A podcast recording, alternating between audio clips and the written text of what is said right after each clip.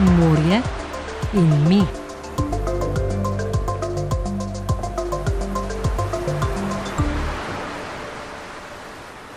V kampu, a ne jih uh, hočemo zavestiti, da jim dajemo v bistvu brezplačno žetone za uporabo naših pomivalnih strojev, za pomivanje posode.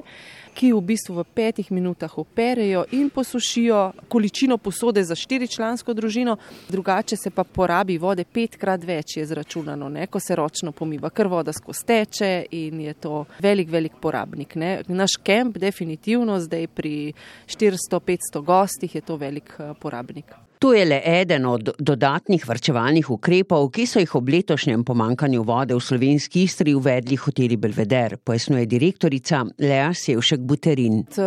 Vsi na obali smo seveda eh, takoj pristopili k temu še nekoliko bolj rigorozno, čeprav smo že v prejšnjih letih nekako tudi velik poudarek dajali na porabo vode, energije in tako naprej z našimi certifikati okoljskimi, ki jih imamo.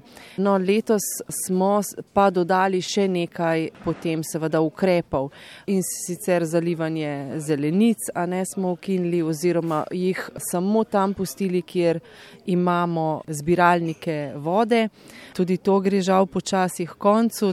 Potem gostom na prihodu dajemo posebno obvestila, kjer jih obveščamo, čeprav imamo v sobah že obvestila po standardu našega certifikata Zeleni ključ, Green Key, ampak vseeno tudi še dodatno ozaveščamo in obveščamo naše goste. Vsi gostje se ne odzovejo enako. Moram pa reči, da so se tujci neverjetno lepo odzvali in dosti boljše kot pa mogoče naši gostje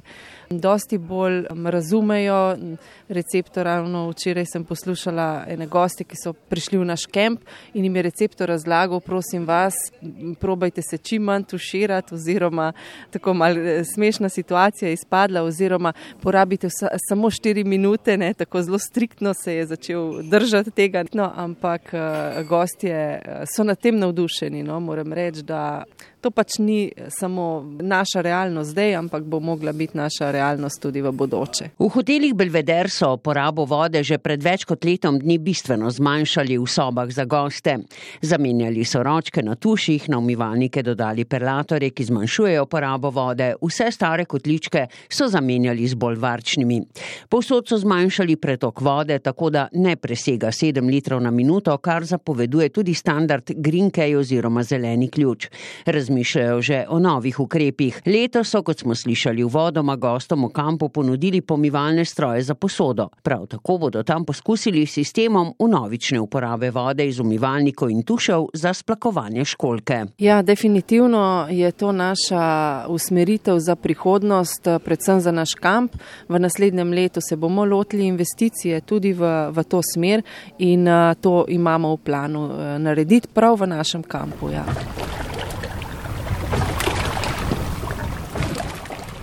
Tuši so zaprti na vseh plažah slovenske obale, tudi hotelskih.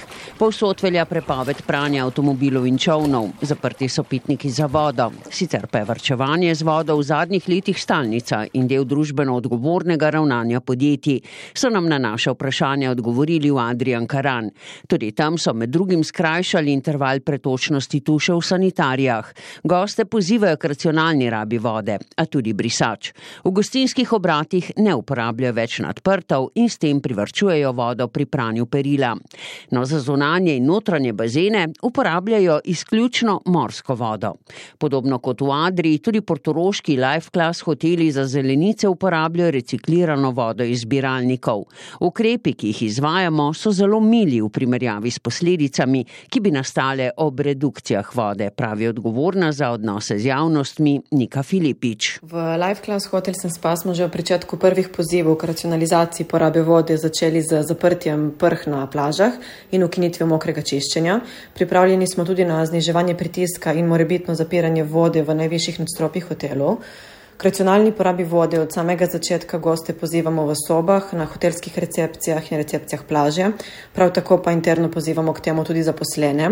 Skupaj bomo tako dosegli znatno zmanjšanje porabe vode. Med drugim pa tudi v sodelovanju z turističnim združenjem Portoro še vedno apeliramo tudi na lokalno javnost k upoštevanju ukrepov, ki so zelo mili napram posledicam, ki nas čakajo ob morebitni redukciji vode. Kot hotelski rezort, ki v polni sezoni obrtuje šestimi hoteli, gostinskimi obrati in plažo, namreč srčno upamo, da do te redukcije ne pride. Vse kaže, da se je slovenska istra redukcijam tokrat izognila s pomočjo vladnega interventnega ukrepa, ki zaenkrat do konca avgusta omogoča dovoz pitne vode iz reke Unice.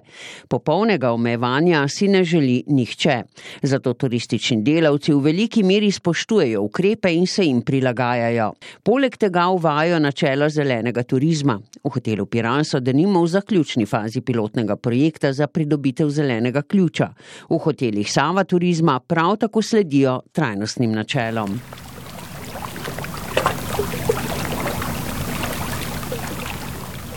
No, zaradi izrednih razmer veljajo posebne omejitve tudi za tovorne in potniške ladje, ki pristajajo v koperskem pristanišču. Nekaj dodatnih pojasnil glede pitne vode na potniških ladjah smo poiskali pri Jani Tolja, svetovalki v kabinetu koperskega župana za mednarodne odnose in razvoj potniškega prometa. Potniške ladje porabijo od 50 do 400 ton vode na dan, kar je odvisno od števila potnikov, vendar vsaka ne tanka pitne vode v Kopru tudi vsaka potniška ladja ne tanka vode, da zapolni svoje tanke. Treba vedeti, da se ponavadi dotankuje do naslednje luke in poleg tega, kar je pomembno in morda tudi velika večina ljudi ne ve, ladje imajo svoje desalinizatorje. Izredno pomembno je vedeti, da na ladji recimo obstajajo desalinizatorji zaradi tega, da se uporablja za tuširanje, za izplahovanje vecev in še nekaj pomembno, ni pitne vode na ladji, torej da bi ti recimo si napolnil v svoji kabini vodo, to ne gre, zato se tam vodo kupuje oziroma jo ladja tudi daje na voljo, odvisno seveda, kakšen paket na ladji kupiš. Recimo to, kar se zadnje cajte govori, da so tudi potniške ladje krive oziroma da nam jemljajo pitno vodo. Bi težko rekla, da je to tako, ker mislim, da že v začetka julija so v luki nehali z tankanjem, so ladjarje tudi obvestili o tem, da imamo izredno veliko pomankanje pitne vode, tako da od začetka julija sem to tudi v luki preverila, vodo pri nas v Kopru ne tankajo, tako da lahko pomirimo tudi na naše prebivalce, da dejansko ni krivda, da manjka vode, zato da so pač potniške ladje nam jemljajo vodo. Postopek desalinizacije oziroma pridobivanja pitne vode iz morja uporabljajo tako rekoč vse novejše potniške ladje. Dejstvo je seveda, da je ta postopek dražji, kot če natankajo vodo, ker voda je vseeno eno relativno poceni bogatstvo, ki ga imamo. V stvari, ki bomo tudi morali verjetno razmišljati, da tako, kot smo sedaj s to vodo delali, bomo morali v prihodnosti razmišljati drugače, ampak razmišljati vsak pri sebi najprej. Ker najlažje je seveda s prstom kazati, kje je kaj narobe in mislim, da smo mi zdaj le primorci dokazali, sem poslušala izjavo direktorja Režanskega vodovoda, da nam je uspelo precej zreducirati uporabo vode.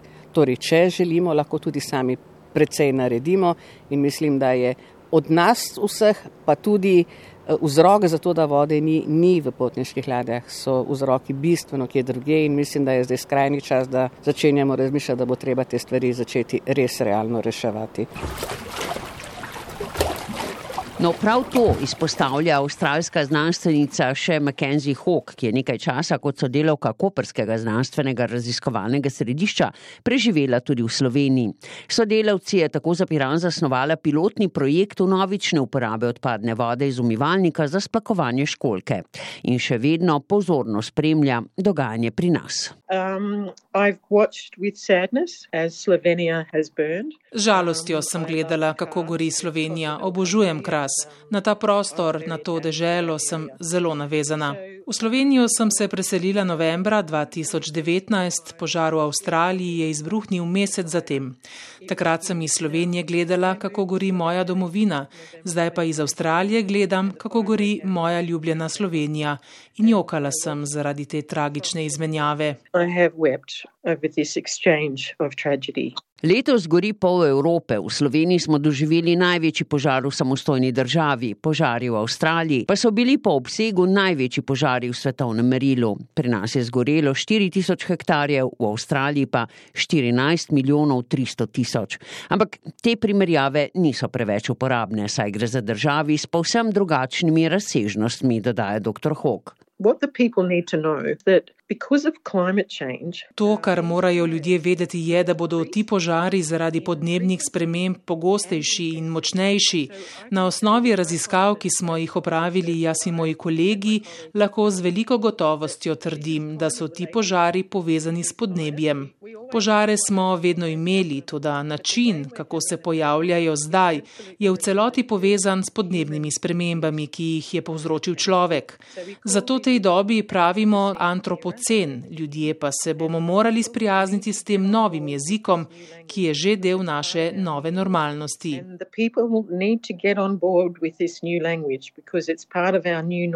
Živimo torej v času, ko na lastni koži občutimo porušena naravna ravnovesja in ta ustvarjajo katastrofe. We will have increased wildfires and then we will have increased floods.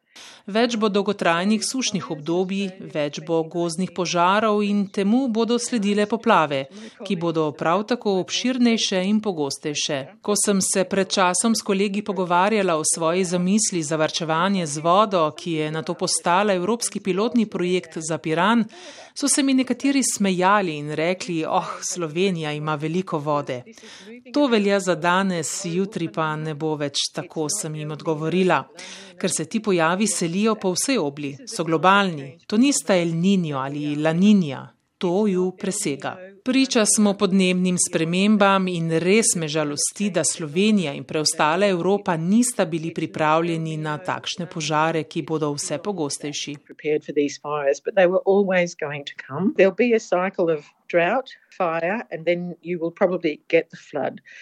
Pri tem gre za nekakšno ciklično izmenjavo med obdobji suše, požarov in potem boste verjetno tudi vi imeli poplave. V vzhodnji Avstraliji smo pravkar doživeli najhujše poplave, odkar jih beležimo.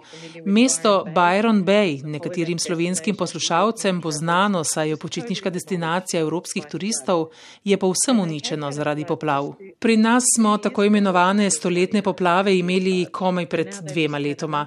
Vse pogostejše so. Stoletne poplave so se pri nas tako zgodile že dvakrat v zadnjih desetih letih. In to je nova normalnost, ki se jim moramo umeti umsko in tudi sicer prilagoditi. Nova normalnost torej. Na njo pa se lahko začnemo prilagajati že z majhnimi vsakodnevnimi koraki, majhnimi odpovedmi. Recimo z novično uporabo vode iz umivalnika v kopalnici. Učinek takšnega ravnanja bo pokazal prav pilotni projekt SCOR, v katerem bo sodelovalo določeno število gospodinstv iz Pirana. Torej, za pravilno umivanje rok potrebujemo 20 sekund in to smo lahko vsi spoznali v času COVID-a. Zaokrožimo jih na 30. V tem času porabimo približno 4 litre vode. To je dovolj za polovično splakovanje stranišča. Vodo lahko torej spet uporabimo vsakič, ko se umijemo roke. In tako res veliko prihranimo. Stranišč ne smemo več splakovati s pitno vodo, to je velika potrata. Hočem povedati, da se moramo vsi vključiti v varčno rabo vode, namesto da se zanašamo na zunanje vire, odkuder jo bomo dobili. In tu ni več kaj čakati. Vse koristne ukrepe za lajšanje podnebnih sprememb in soočanje z njimi je potrebno pospešiti. Pomembno je tudi, da vse štiri istrske občine začnejo skupaj iskati rešitve, uvajati dodatne ukrepe. Rešitev je pomagati vsakdanjim državljanom, da postanejo odgovorni za svoje dejanja. Torej želimo jih pritegniti k vrčevanju z vodo in zdaj, ko ste doživeli to tragedijo, bodo ljudje bolj pripravljeni sodelovati. Predvsem pa moramo spremeniti odnos in to ne le v času kriz naravnih katastrof, kot so poplave, požari in suše. Vsak dan. To je moj slogan: delajmo z naravo, ne proti njej. Svet je po moje razdeljen na tri vrste ljudi: izvajalce, torej ljudi, ki delo opravijo, na to zanikovalce, ki zanikajo, da se to dogaja, in obtoževalce, ki bodo za razmire vedno krivili nekoga drugega. Zdaj ni več prostora za zanikovalce in obtoževalce. Vsi moramo postati izvajalci. Čas je, da se vsi usmerimo proti skupnemu cilju preživetju.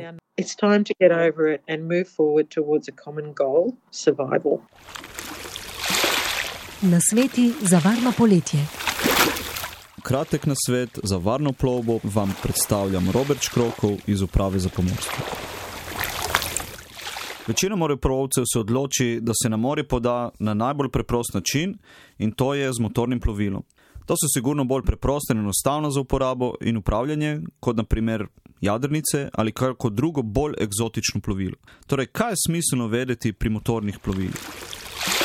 Preden se odpravimo na morje, je seveda najboljše preveriti delovanje našega motorja. Pred prvim izplutjem v sezoni bi bilo najboljše opraviti servis motorja, ker nas toklonjak preveri stanje olja ali druge možne ostale napake, katere so nastale pri uporabi plovila. Če smo dovolj vešči, lahko to opravimo tudi sami. Obenem je smiselno ob zagonu motorja počakati za kratek čas, opazovati delovanje motorja in videti, ukoliko nastanejo nove napake.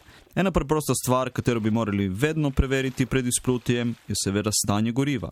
Veliko moreplovcev se tega spozabi in pred izplutjem to ne preveri. Tako se na upravi za pomorstvo večkrat soočamo s problematiko, da je potrebno pomagati osebam, katere so ostale brez goriva na morju. Ko smo končno pripravljeni in izplujemo, se po upravljeni plovbi lahko odločimo, da se vežemo v kakšno pristanišče ali plovilo zasidremo nekje. Pomembno je, da pred prihodom na lokacijo se pozanimamo glede režima plovbe in pravil na področju, tako v Sloveniji kot v tujini. Ob spustu sidra preverimo vrsto dna, približno globino ter prepreke, katere se nahajajo okoli nas. Naš čovn se zna obnašati drugače kot druga plovila v naši okolici, tako da bodimo vedno pozorni na ostala plovila okoli nas. Če sidro orje, ponovimo postopek sidrenja in spustimo nekaj več sidrne vrvi. Prihod v pristanišče mora biti pripravljen, večina marin Jadrana uporablja VHF kanal 17, tako je smiselno poskusiti stopiti v kontakt z marino, da vidimo, ali je kaj prostega mesta za naše plovilo. Po potrditvi prostega mesta pripravimo bokobrane in privezne vrvi, kljub temu, da večina nedeljskih moreplovcev rada uporablja dve privezne vrvi, samo za premic in krmo, je smiselno imeti vedno pripravljene še dodatne vrvi, s katerimi lahko jačamo naš vez in ga naredimo bolj varnega. Z dobrim vzdrževanjem našega plovila poleg povečane varnosti omogočimo tudi daljšo življenjsko dobo temu čovnu. Tako da dejmo plovilo redno na kopno, ker ga lahko ščitimo, operemo, spoliramo in apliciramo antivegetativni premaz. Mirno morje in varno plovbo vam želimo iz uprave za pomorstvo. In tu zaključujemo današnjo oddajo, ki jo najdete tudi na podcastih RTV Slovenija. Slišimo se čez teden dni. Morje in mi.